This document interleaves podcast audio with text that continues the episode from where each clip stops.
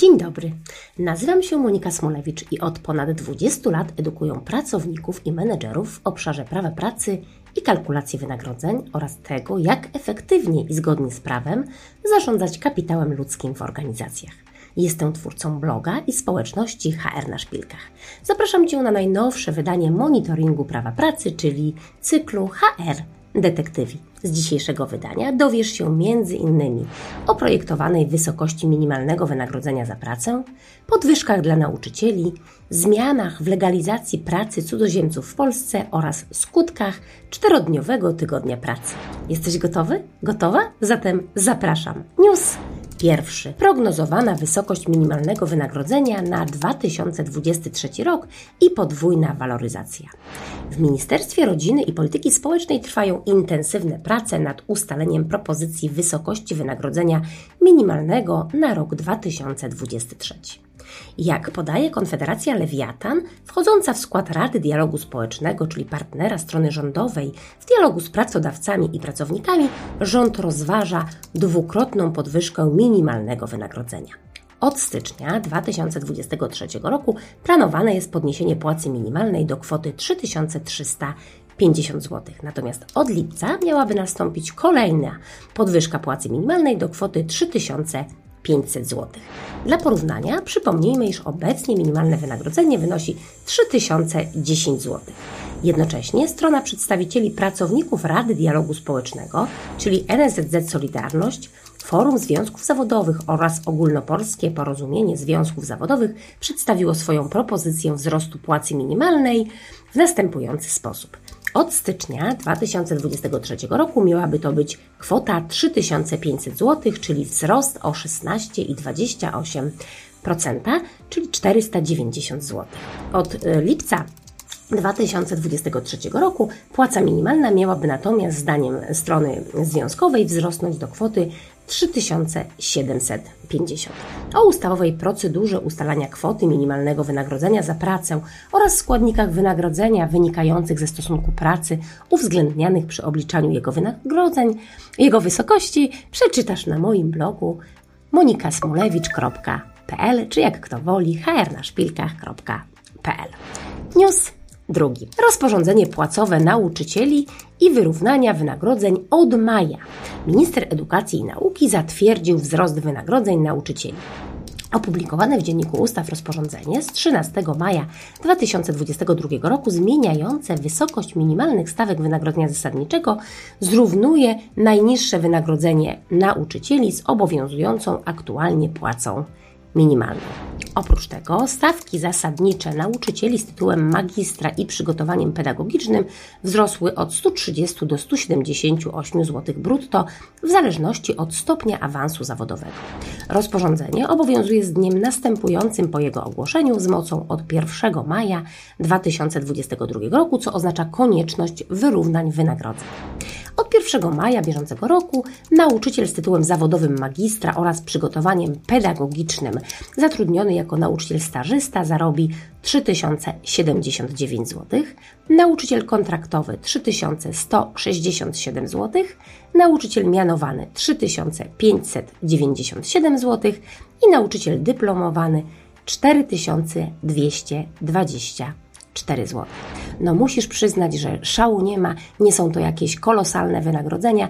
Ja rzekłabym nawet, że jest mi bardzo przykro, że w kraju, w którym płacą podatki, w którym wychowują się moje dzieci i być może wkrótce będą wychowywać się moje wnuki, nauczyciele, którzy tak bardzo duży wpływ mają na kształtowanie młodego pokolenia, zarabiają tak naprawdę niskie wynagrodzenia. Ciekawa jestem, co Ty sądzisz na ten temat i ile Twoim zdaniem powinien zarabiać nauczyciel. Pełną treść rozporządzenia możesz pobrać ze strony Dziennika Ustaw Rzeczypospolitej Polskiej. Link znajdziesz w artykule na moim blogu. News trzeci. Legalizacja pracy cudzoziemców w Polsce projekt rozporządzenia w sprawie zezwoleń na pracę i oświadczeń o powierzeniu.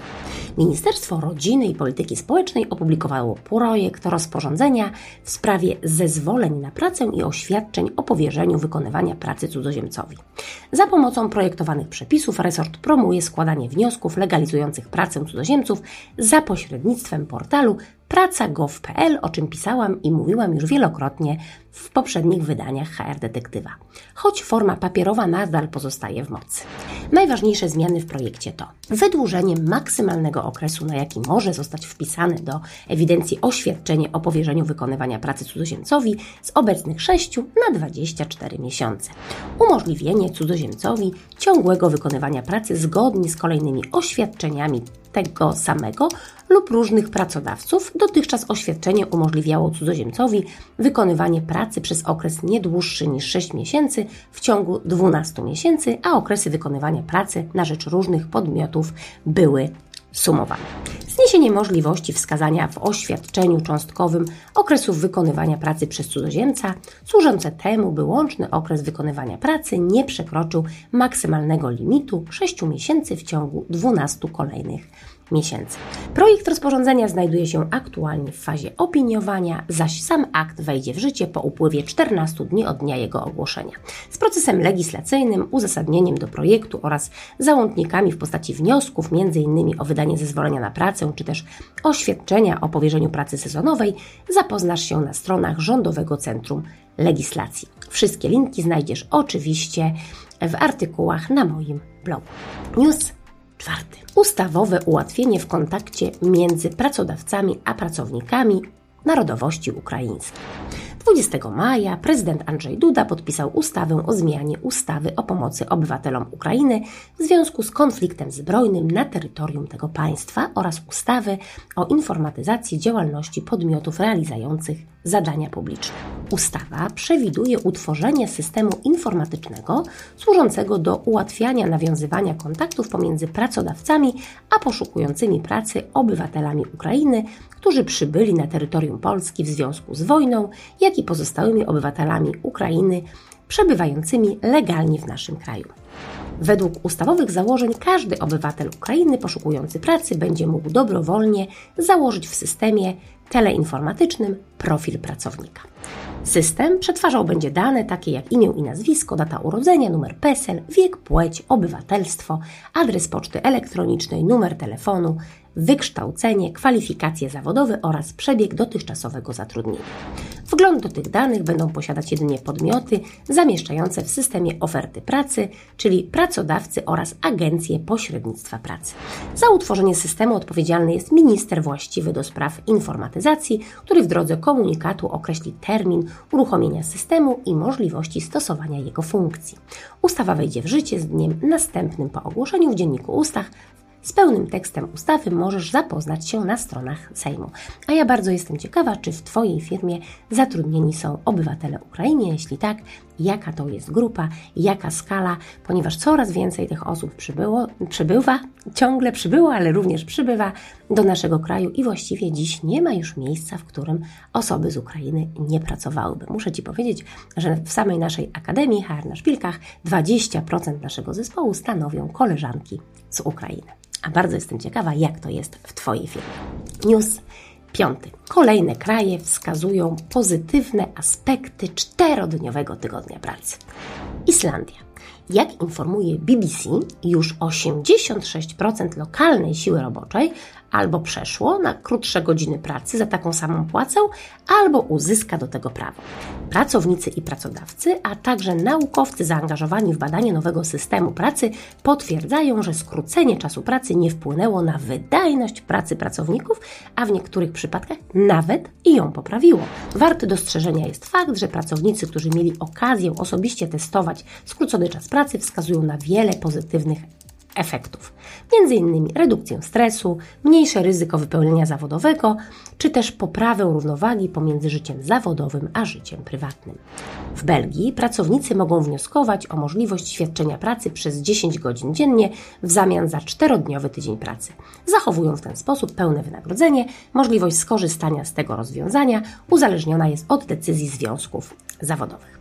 Czterodniowy tydzień pracy na naszym rodzimym gruncie, czyli w warunkach polskich firm to faza testów w formie tak zwanych luźnych piątków, kiedy to pracownicy mają możliwość samokształcenia lub planowania działań na kolejny tydzień.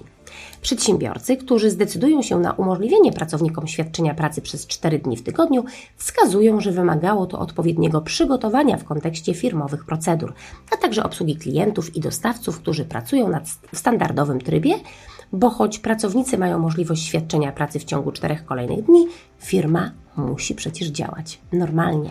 Badane do tej pory modele czterodniowego tygodnia pracy wskazują na możliwość zastosowania następujących wariantów wynagradzania względem czasu pracy.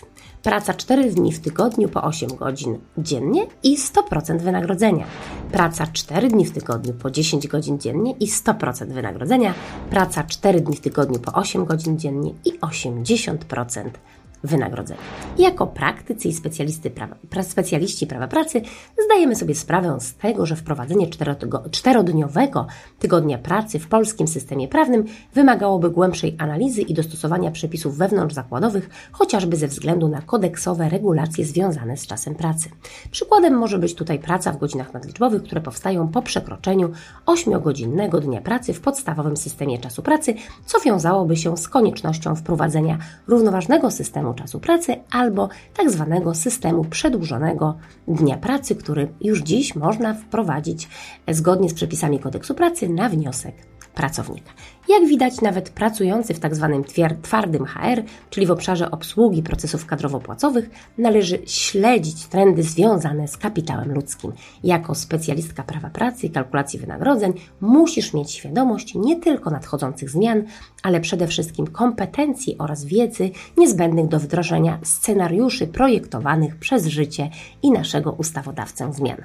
Zapraszam Cię do poszerzenia kompetencji razem z moją Akademią Mistrzostwa Kadrowo-Płacowego i zarządzania zasobami ludzkimi i życzę powodzenia w drodze do mistrzostwa zawodowego.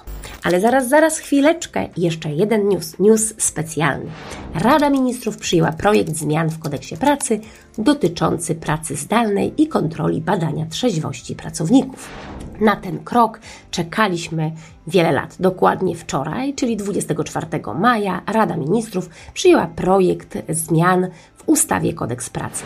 Proponowane rozwiązania zmierzają do osiągnięcia dwóch celów: umożliwienia pracodawcom wprowadzenia prewencyjnej kontroli pracowników na obecność w ich organizmach alkoholu lub środków działających podobnie do alkoholu oraz wprowadzenie regulacji dotyczących pracy zdalnej jako rozwiązania stałego.